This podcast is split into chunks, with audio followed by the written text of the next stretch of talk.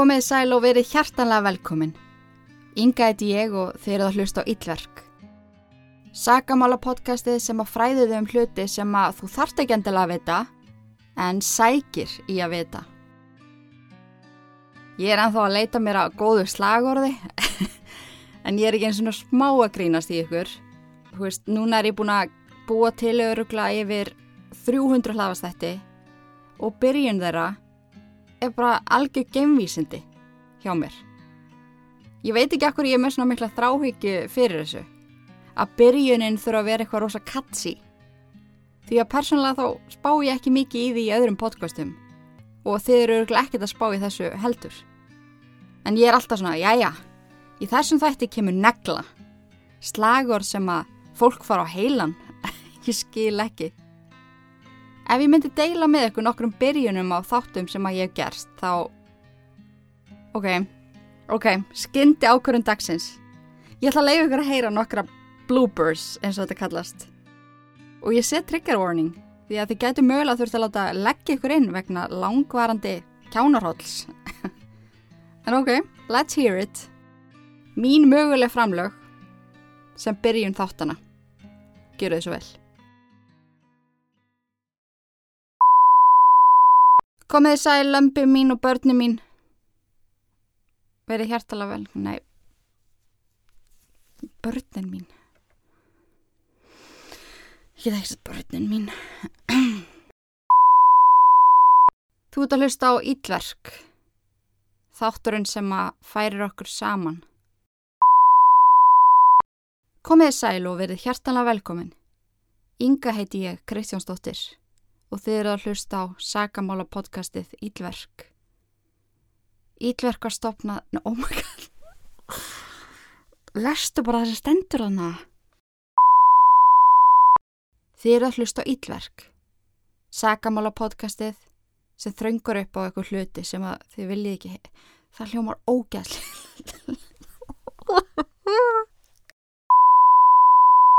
Komið sæl og verið hjartalega velkomin.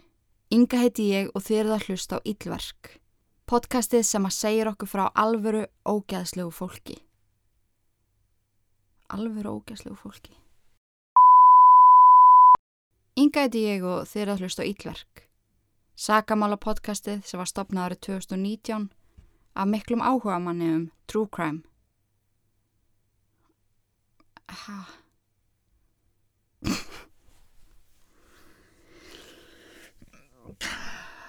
Akkur les ég ekki bara handritið? Ég segi alltaf það sama. Komið sæl og verið hjartanlega velkomin. Inga heit ég og þið eru að hlusta á Ílverk. Uppbóls podcastið okkar. Uppbóls podcastið okkar. Svo skemmtilegt. Skemmtilegasta podcast allra landsmanna. Inga heiti ég og þið eru að hlusta á Ílverk. Ílverk er podcast allra landsmann.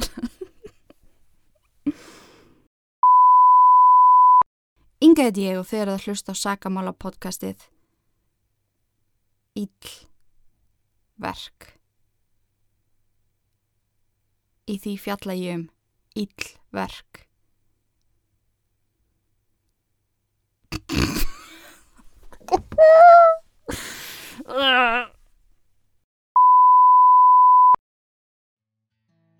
Ok, þá veitum við það. Ég er nörd. Frábært að vera búin að koma því út í kosmósin. Og mögulega hætti ég þessari þráhugju núna, með upphaf þáttana. Ég, ég fer allan að vinna í því.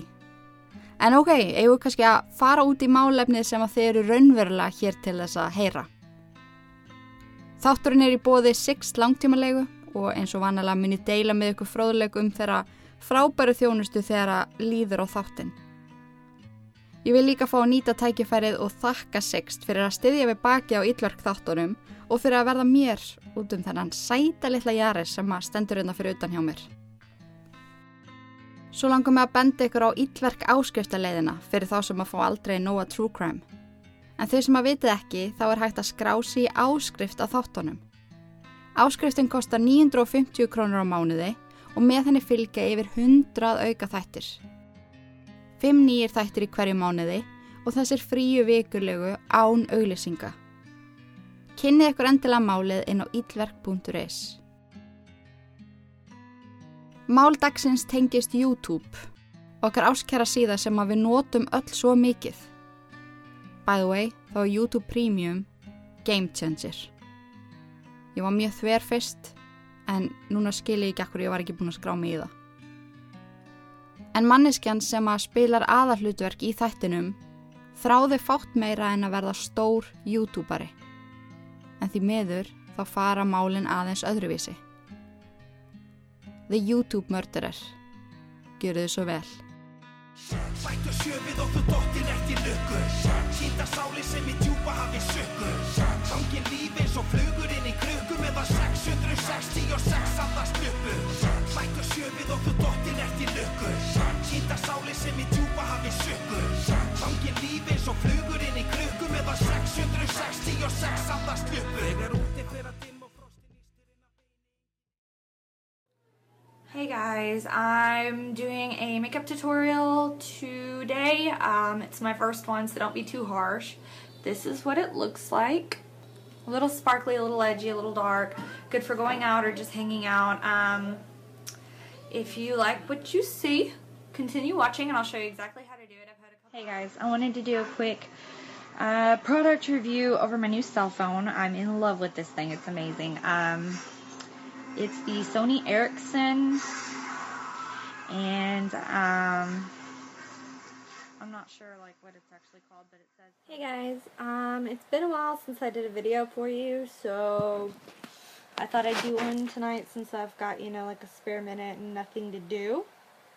Um, I do have a few videos waiting to come out that are up and ready to go.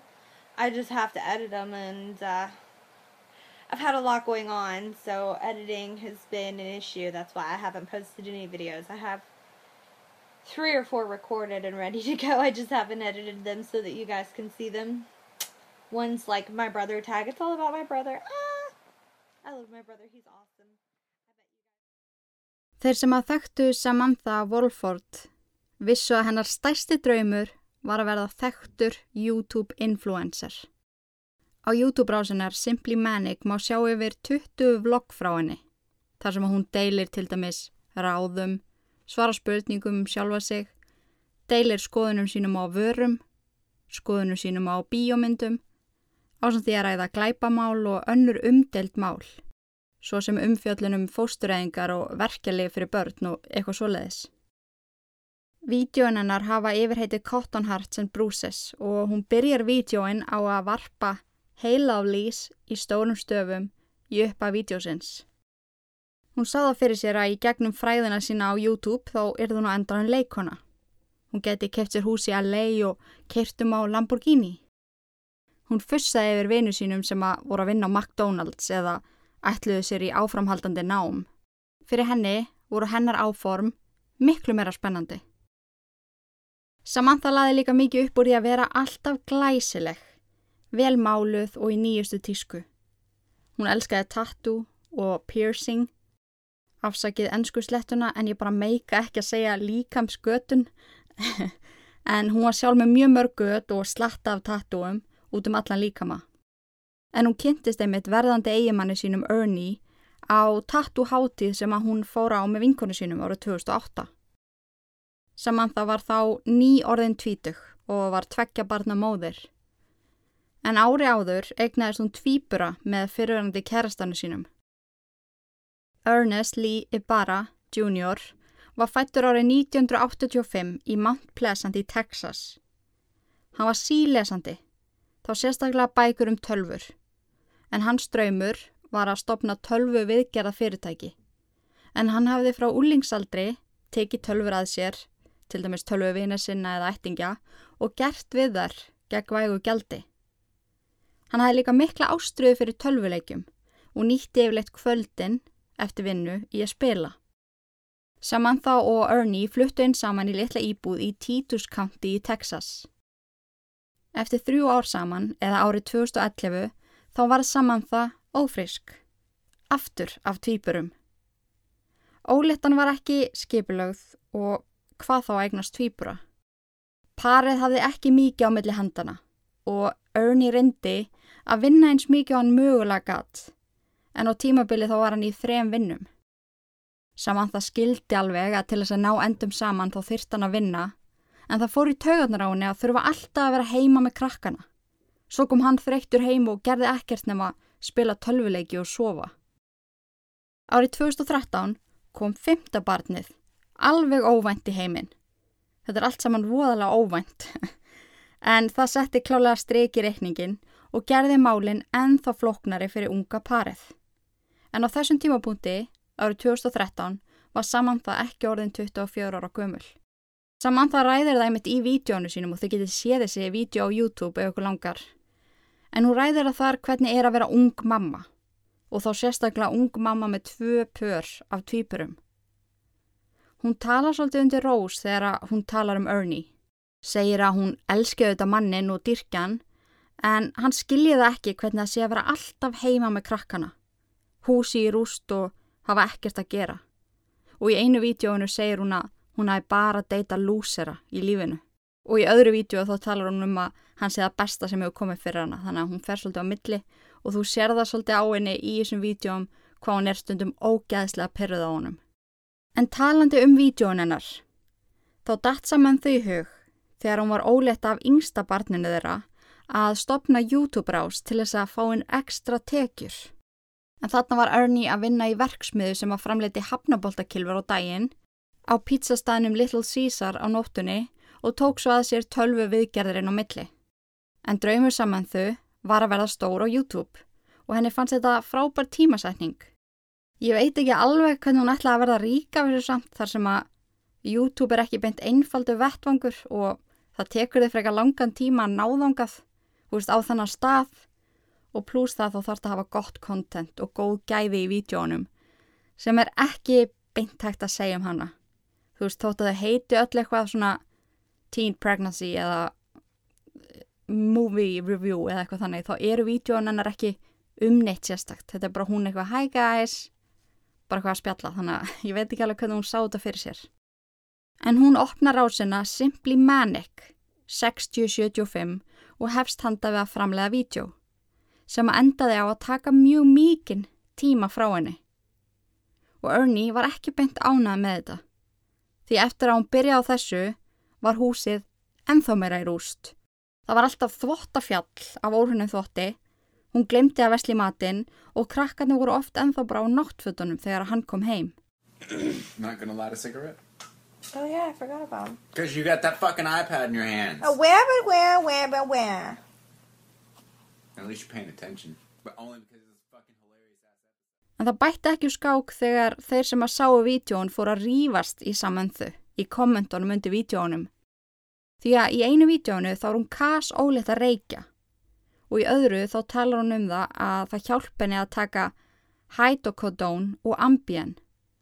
En fyrra lifið sín nefni er mjög stærst verkjalif og það setna er deyfandi sveplif og hún var mjög, mjög óleitt þegar hún er að segja þetta.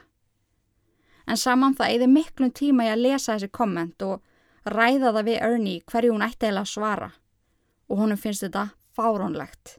Hann endi enga veginn að ræða þetta við hana og þetta bjó yfirleitt til mjög mikið rifrildi á millið þeirra.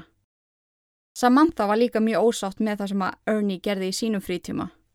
Henni fannst ekki í lægi að í þessa örfóðu klukkutíma viku sem hann fekk frí að hann eitti honum í að spila tölvuleiki. Og það gerði hann að gjörsanlega brjála það þegar karakterinn sem að hann var í einhvern leik giftist öðrum kvenkins samspilara en nokkru mánuðum eftir það að hún brjálast yfir þessu brúðköpi í leiknum, þá gifta þau sig. Og ég finn ekki til um það hvort þetta hefði verið eitthvað romantíst eða eitthvað sem að þeim langaði raun og vera að gera, en væpið sem að ég fæ úr þeim heimildum sem að ég finn er að Samantha hafi einhvern veginn aldrei náða að sætta sig við brúðkaupið sem átti sér stæði tölvileiknum og Ernie hafi á endanu liti á þetta sem bestu lausnina því að sama hvað hann sagði þá trúði Samanthaði ekki að hún var í konan sem að hann vildi eigða æfisinni með í raunveruleikanum.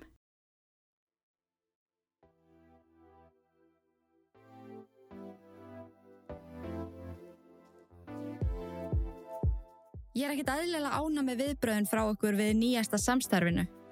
en þið hafi verið ansið duglega að senda á mig hinnar ymsu pælingar þegar að kemur að sext langtímalegu. En ég ákvaða að sapna þeim saman og nýta þannan auglýsingastúfi að svara nokkrum spurningum frá ykkur. En flesti voru að veltaði fyrir sér hversu lengi maður getur haft bílinn í leigu. En þú getur legt bíli í mánuð, 12 mánuði, 24 mánuði og svo 36 mánuði. En með 36 mánuða leigusamningnum þá færðu besta verðdílinn. En svo hafa nokkri sendt mér ansi áhugaverða spurningu sem að ég persónulega var ekki búin að hugsa út í. En ég skoðaði sex síðuna og fann að það er til lausn með þessari pælingu. En segjum að þú sért með Jaris Hybrid eins og ég og þú ert að fara upp í bústað með alla fjölskylduna þína. Eða í ferðalag með fullt af dóti með þér. Þá getur þú actually heyrst í sext og fengið stærri bíl til þess að láta dæmi ganga upp. Þá þarfst ekki endilega að fara á tveim bílum eða vesenast eitthvað meira með þetta. En sext leggur ótrúlega mikið upp úr því að vera sveianleir við viðskiptavinni sína.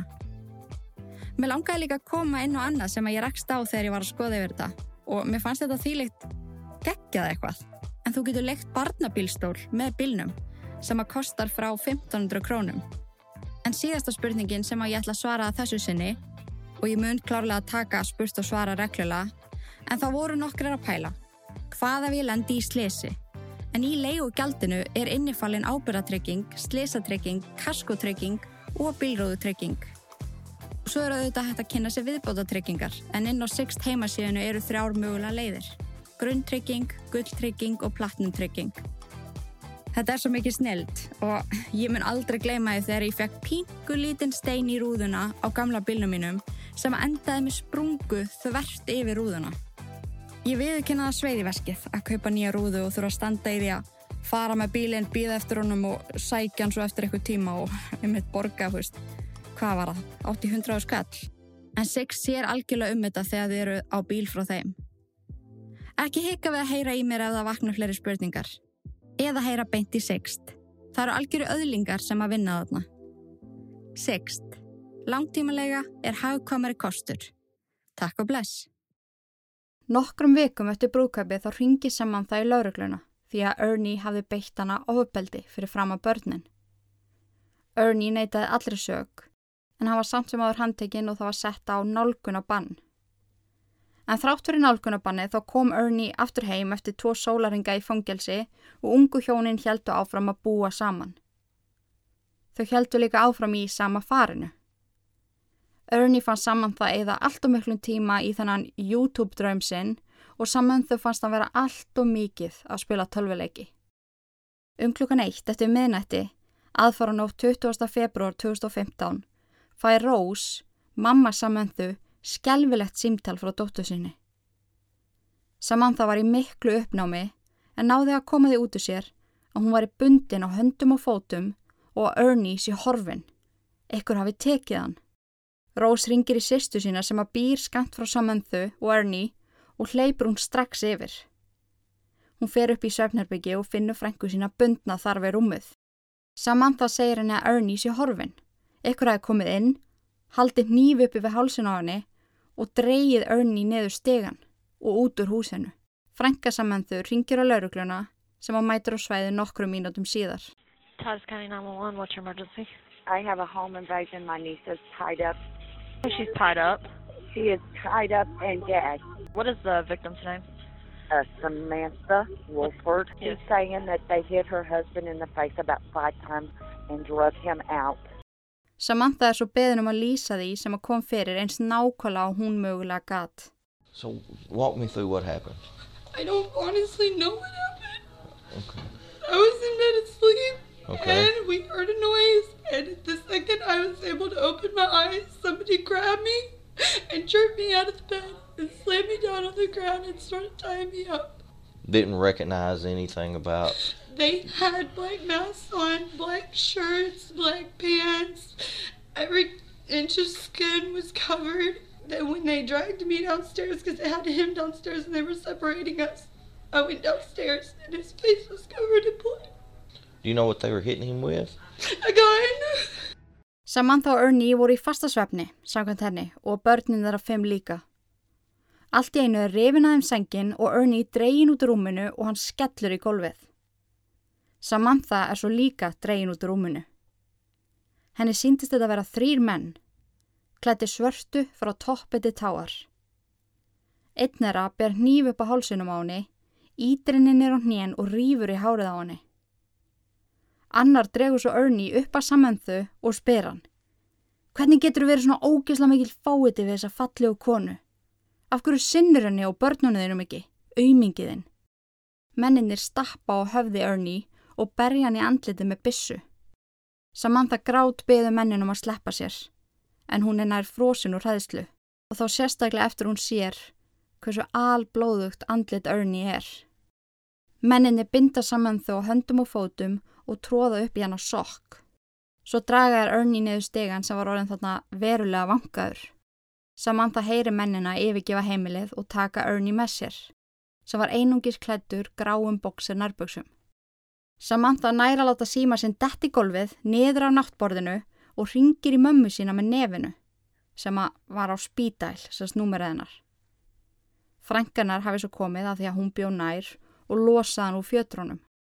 Samantha stendur þarna nýri í andiri með síkarettu og er að ræða við lauruglu þjón sem ára að spurja hana og meðan tveir aðrir ganga um húsið með vasaljós og bodycam. Sími Ernie fannst ekki á heimilinu og taldi saman það að mannræningarnir hefði tekið síman með sér. En áður en saman það fyrir på lauruglustöð, svo hægt sé að fara betur yfir þennan hrylling sem var eiga sér stað, þá bætur hún við að henni gruni að þetta tengist pappa Ernie, sem er þekktur fíknefnasali. Það hafi oft komið upp að haft væri sambandi Ernie út af viðskiptaháttum pappans og kannski hafði eitthvað verulega alvarlegt komið upp í þetta skipti. Laurugluþjónunum á vettvang sem að gengu þarna um og skoðuðu, þá sérstaklega þar sem að Samantha sagði að barsmiðanar hefðu farið fram. Þeim fannst þetta ekki alveg passa. Það var ekki búið að taka neitt af heimilinu, útidurahurðin var ekki brotinn, það var ekki búið að spennu upp glukka eða brjóta þá og það skrítnasta er að öll börnin sváfu allan tíman í herbyggi við hliðin á herbyggi Samantha og Ernie. Hvernig vöknuðu ekki við þetta? þá sérstaklega þegar pappið þeirra var dreyið niður stegan með valdi. Í yfirherslu segir saman það ekki hafa hugmyndum hvaða menn þetta voru. Henni minni að þetta hafi verið þrýr menn, en þau gætu alveg hafi verið tveir. Þeir voru klættir öllu svörstu með svarta lambúsettu á höfðinu. Ástæðan fyrir því að hún sagði að þetta væru menn er því að hún heyrði bara karlmannsrættir og mann ekki eftir að hafa heyrst konurödd. Laurugluþjóðnin sem að yfirheyrir hana veltiði fyrir sér hvernig hún gætt hringt þar sem að hendur hennar voru bundnar og af hverju ákveður hún að ringja í mömmu sína en ekki í neyðalínuna. Samantha segist að í mömmu sína með nefinu því að hún var á spítæl í símanum hennar. Laurugluþjóðnin pressar á hana. Samantha, mér líður eins og þú sért ekki að segja mér allt saman. Glæpa vettvangur passar ekki beint við það sem þú ert að segja. Hún fyrir mjög mikla vörð og er bara nei, ég veit ekkert um þetta, ég myndi aldrei gera honum neitt, ég elska hennar mann bara mér er fáralegt að þú sérst að saka mig um þetta. Og svo svona því lengra sem að líður á yfirreysluna þá fer hún svona aðeins að svona slakna á henni og svo bætur hún við, þú veist, eftir tvo tíma að henni. Bara eitthvað, hm, kannski. Það er kannski maður sem hún þekkti flektur inn í þetta, en er ekki alveg viss. Hún grátt beður laurugluþjónin að segja engum frá þessu þar sem að maðurinn sem hún er að fara að tala um er mjög hættulegur og ef það frettist út að hún hafi kæftað, erðu hún eða börnin hennar næst. En hún segi lauruglu frá því að daginn áður hafa hún heimsótt vinkonu sína á spítalan því að hún var eignast barn. Og þar hittur hún mann sem er kallað Johnny Rebel og er líka vinur nýbökuðu móðurinnar.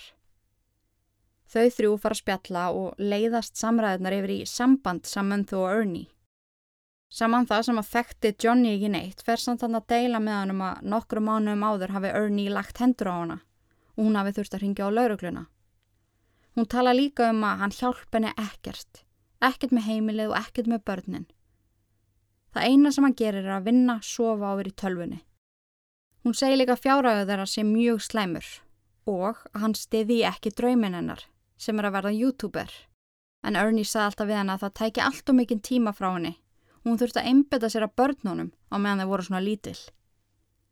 Og við gefum henni það. Þau vita á maki manns að hvetja mann ef að maður á sér draum. En, þú veist, við verðum alltaf vega á meta. Hún var mamma mjög ung sem að þýtti að hún þurfti að taka mikla ábyrð mjög ung. Og þótt hún stopni YouTube-rás, þá þýðir það ekki ábyrðin sé horfin. Hann hefur öllum líkindum verið að meina það en komið mjög illa frá sér. Allavega þannig að Samantha var mjög sár og reið út í hann. Og eins og ég sagði ykkur á þann, talaði mjög opinskátt um vandamál þeirra á YouTube-rásinni sinni. Eitthvað sem að Ernie kerði sig ekki um og var að gera. En eftir að Samantha deildi þessum upplýsingum með vinkonu sinni og Johnny Rebel, þá segir hann við hana. Ég skal græði þetta. Ég skal lúberja hann að naumingja til þess að koma hann í skilningum hvað hann á góða konu og góð börn. En saman það segir lauruglu þjónunum að hún hefði bara farið að hlæja því að hún var ekkert að trúa þessu. Gæin er ekkert að fara að berja Ernie. En núna þegar hún leiti baka og það sem hafði gerst, kannski var eitthvað til í þessu hjá honum eftir allt saman. Kannski var honum fúlasta alvara með þessari hótun. En það þurfti auðvitað að finna þennan Johnny og ræða við hann og það var svona frekar auðvelt að finna hann og hann var mjög samfunnu þýður og benti lauruglu á að hann hafi ekki verið einna verki. Heldur tók hann Másin, Jose Antonio Ponce og vinn þeirra Octavius Rhymes með sér í verkið. Á meðan það var verið að ræða við þessa menn var verið að skoða síma saman þau og í honum þá fundust mjög tröflandi hlutir. Á meðan laurugla gekk um húsið og leitaði sönnunagagna kvöldu örlaríka eftir að frænkanar hafi hringt. Þá var hún að SMS-ast við Johnny og í SMS-unu stendur Make phone dead, quick, ditch phone, move og var að gefa þeim svona tips um hvað var að gerast og þau þurfti að losa sig við síman og drífa sig í burtu. Því laurugla fóruðu þetta að spurja hvar síminans Ernie væri svo að þeir getu rakið hann. En þetta gerir málið auðvitað mjög augljóst. Samantha skipulaði þetta og menninni þrýr græjuðu þetta fyrir hana. Johnny saði lauruglu hversu ótrúlega reyður hann varð þegar hann heyrði hvernig Ernie kom fram við Samantha en hann þóldi ekki þegar menn fóru ítla með konur. En plani hafi upprunlega verið að berja Ernie. En eftir að Samantha skuttlaði þeim heim til vina þeirra eftir sjúgráðsheimsóknina til þess að kaupa meth, þá hafið þau tekið ákvörunum að það væri öruglega best að drepa hann bara. Þannig fengi hún líka pening út úr döðans, þar sem að þau voru gift. En Samantha hafði líka mjög miklar ágjör að því að Ernie myndi taka af henni börnin. Því nokkurnum vikum áður þá hafði hann hótað að skilja við hana og taka af henni forræðið yfir öllum börnunum. Samantha skildi hurðina eftir ólæsta kvöldi örlaríka. Skaut sér fram úr rúminu þegar hún sá mennin að koma inn og horfði svo á þá berja eigimann sinn og draga hann út úr húsinu. Þeir keirðu með Ernie hálf vangaðan og hálf nakin á afskekt svæðir heimili hans og saman þau og gengu með hann lengst inn í skógin. Þar skutu þeir hann aftan í höfuðið og skildan eftir. Johnny leiti lauruglu að líki Ernie sem hann lág á nærböksunum í hnebri. Hann var úrskurðað látin á staðnum. Menninni þrýr fengu allir 50 ára dóm fyrir að verða Ernie að bana. En Johnny var svo eini sem að fekk möguleika á reynslilausn eftir 50 ár. Þar sem hann aðstóði lauruglu og játaði sekt sína strax. Hann bókstala var bara eitthvað, sá laurugluna og hann bara eitthvað, já, þetta var ég. Það var ekkert vesen. Og það er það sem að leta þetta ganga svona fljótt fyrir sig. Að réttaöld saman þau hófust í september árið 2017 og hún fekk 99 ára dóm sem er ekkert eðlilega langu dómur. En þetta fekk hún fyrir að standa á bakvið morðið og mannránið á eigimanni sínum. En Samantha læti þó fangelsisvistin ekki stoppa sig. En ef eitthvað langar að heyra í henni, þá er hún einmitt að óska eftir pennavinum. En hún lýsir sér svona. Það er aldrei leiðileg stund með mér. Ég er kaffisjúku mormóni sem elskar að hlæja og njóta lífsins til fulls. Ég elska að kynast nýju fólki og hefur alltaf þótt gaman að kynast fólki á öllum aldri á mismunandi staði í lífinu. Svo aldrei halda að við pössum ekki saman sem pennavinir. Ég dæmi engan. Ég er með ástriðu fyrir anime, manga, cosplay, snirtuverum, bókmentum, tölvuleikjum og ég elska að umgangast fólki sem ég elska. Ég nýta þess að vera úti í náttúrunni og elska næstu öll dýr. En kettir eru samt bestir, augljóslega. Lol. Ég er smá nörd, en ég er skemmtileg. Ég er að reyna að læra spænsku og ég er búin að ná tákmáli nær fullkomlega. Ég nýta þess að eiga djúpar samræður, en ég á það til að tala svolítið mikið. Besta gjöf sem hægt er að gefa mér er bók, en ég elska að lesa. I work hard so I can play harder. Skrifaði mér svo við getum leikið saman. Þú verður ekki fyrir vonbriðum. Saman þá telur sér vera mikinn feng og það er gaman að heyra á njóti náttúrunar út í fangelsisgarði. Mér fannst svolítið áhugavert að hún kæmi ekki inn á það hún eigi fimm börn. Ég veit ekki hvað hún gerir það ekki en til þess að taka það fram líka þá eru börnin á góðum stað í dag en þau fóru öll á sama fósturheimilið. Svona ef það var eitthvað að spá í hvað varðum auðmingja börnin sem að sváu bara meðan þetta gerðist allt saman. Hún kemur heldur ekkit inn á sinn stærsta draum í þessari lýsingu á sjálfur sér um að verða YouTube-stjarnar. En hún hefur vissulega fengið mun fleiri subscribers og áhorf eftir að þetta átti sér allt saman stað. En það er spurning hvort hún hafi gefið þann draum upp á bátinn. En hún hefur allavega 99 ár til þess að útfæra þennan draum. En þá segjum við þetta gott í dag. Takk fyrir að hlusta og takk fyrir að vera til. Muni svo, í guðanabænum að forðast öll lítverk. Nema þetta podcast. Verið sæl. Haugur, take it away. Sættu sjöfið og þú dottir ekki lukku.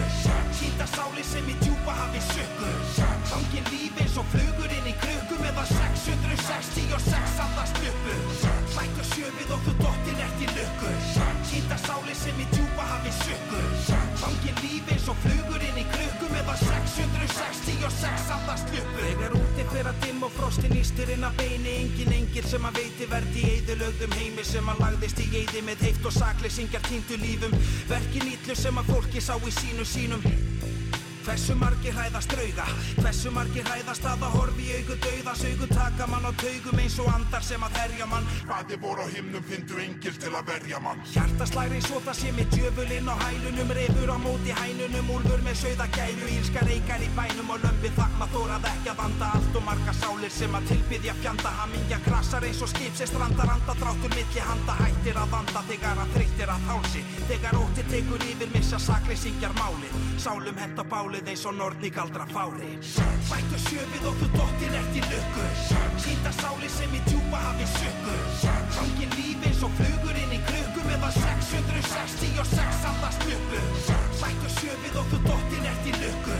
Sýnda sáli sem í djúpa hafi sökku Fangin lífi eins og flugur inn í krukku Meðan 666 andast uppu Er það reyði sem að geri megin Skeppnuskapur eins og grimmir hundar sem að naga bein Eins og rifur inn í hænsna kofa hænur sofa svefninum langa þegar að andar koma. Þegar illir andar taka yfir liði fyrir yfir lið ef ljósið andar fara fyrir. Flesti kjósa fá að halda friði liðið í þar um og missi trúna sem það liði fyrir Flesti stand eftir og stara bara hendi sjúkum hug eins og hjá blóðþyrstum talíbana Þau þurfa að byggja fyrir sálum sínum. Eins og píkill sem er háður vímuð þjáður er í sálum sínum. Byður um það eitt að hlusta sé á alla bænir sínar. Engið hefur grýtt að vegi alla fokkin æfi sína Við skulum kveikja nokkru kertum á. Viltu fá að sjá 666 vandamál? Sættu sjöfið og þú dottir ekki lukku. Týnda sáli sem í djúpa hafi sökku Fangin lífi eins og flugur inn í nema 666 allars bjöpu Sættu sjöfið og þú dottir eftir lukkur Týta sáli sem í djúpa hafi sökkur Hangi lífi eins og flugur inn í krukku Meða 666 allars bjöpu Býðum í andartak, andarfrátur, andarfar. Í andarklassi skilji andar eftir andafar Býðum í andartak, andarfrátur, andarfar. Í andarklassi skilji andar eftir andafar Býðum í andartak, andarfrátur, andarfar. Í andarklassi skilji andar eftir andafar